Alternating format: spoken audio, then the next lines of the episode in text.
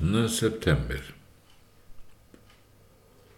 I Første Samuels bok, 15. kapittel og det 22. vers leser vi i Jesu navn. Lydighet er bedre enn offer, og lydhørhet er bedre enn fettet av værer. Rosenius sier. Her hører vi at overfor Gud er det bare tale om lydighet.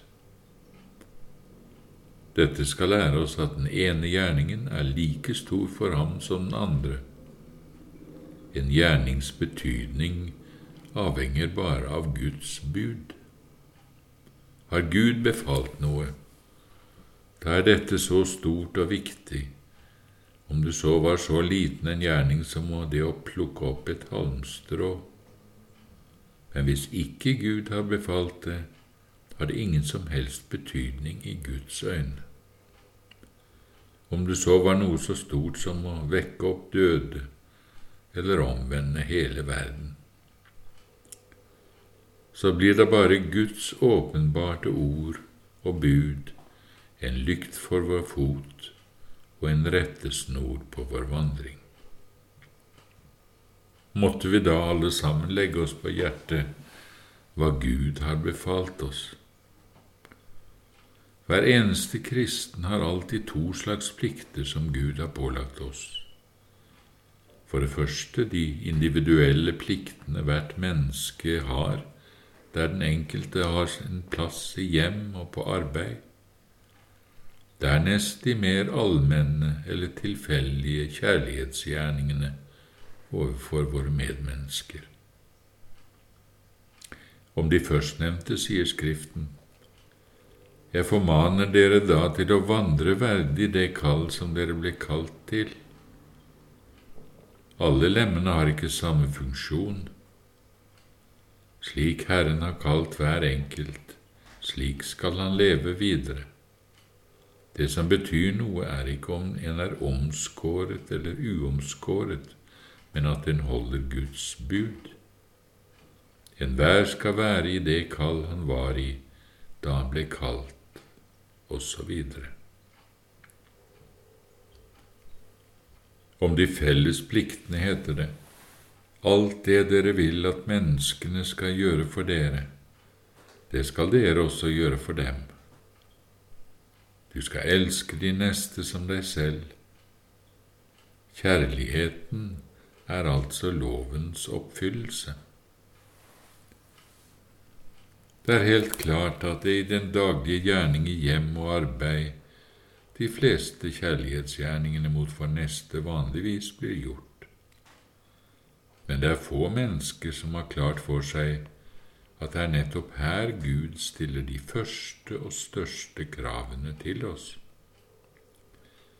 Derfor bør vi virkelig åpne øynene våre og se hvordan det overalt hersker en Guds orden og innretning, like fra Guds trone i himmelen og helt ned til jordens innerste. Gud, som er ordens Gud, har ordnet det slik at én skal ha en overordnet og en annen en underordnet oppgave. Den ene skal være husets herre, den andre husets tjener. En skal være far eller mor, en annen barn, den ene rik, en annen fattig, den ene gift, den andre ugift. Akkurat som i legemet et lem skal være øye, et annet øre, en tredje hånd, en fjerde fot, osv. Så er da Guds første vilje og krav at hver enkelt skal skjøtte sin egen stilling. Den som er overordnet, skal styre rett. Den som er underordnet, skal underordne seg med lydig trofasthet i sitt arbeid. At øyet er opptatt med å se, men overlate til øret å høre. At foten går, men overlate til hånd å arbeide.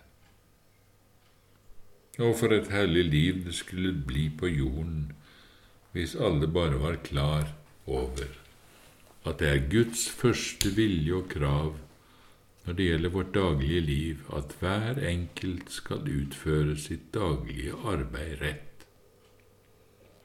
At dette er en rett og hellig gudstjeneste til Guds ære, når en midt i sitt daglige arbeid, i de enkleste gjerninger, virkelig står som i et hellig tempel og forretter en gudstjeneste.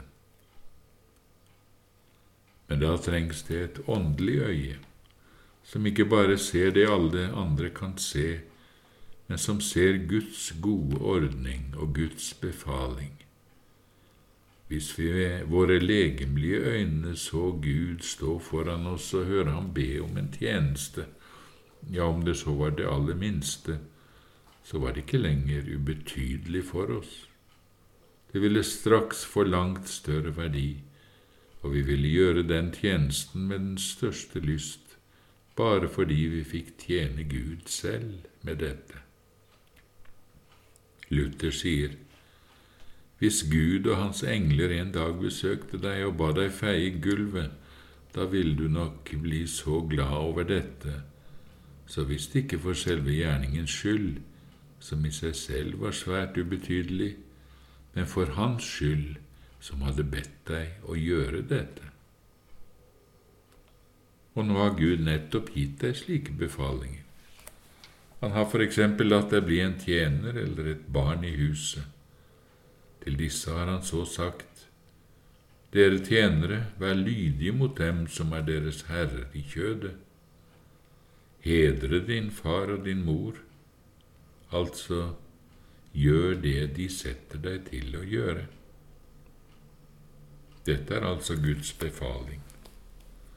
Så ser du da at når din far, mor eller arbeidsgiver ber deg gjøre noe, så står Gud bak dem med sitt fjerde bud og sier, Ja, gå og gjør dette.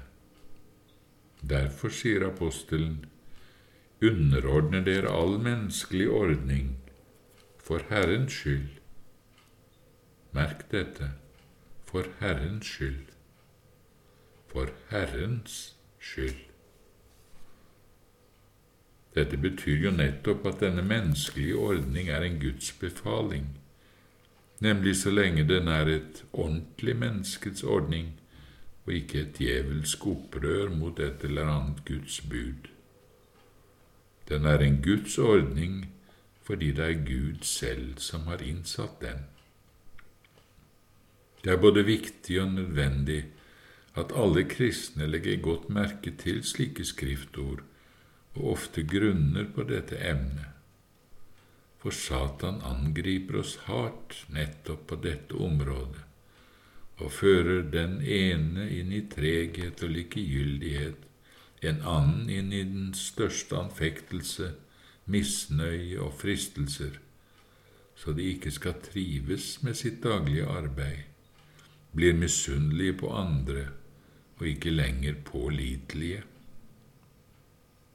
La oss derfor i alle livets forhold alltid huske disse Herrens ord. Lydighet er bedre enn offer.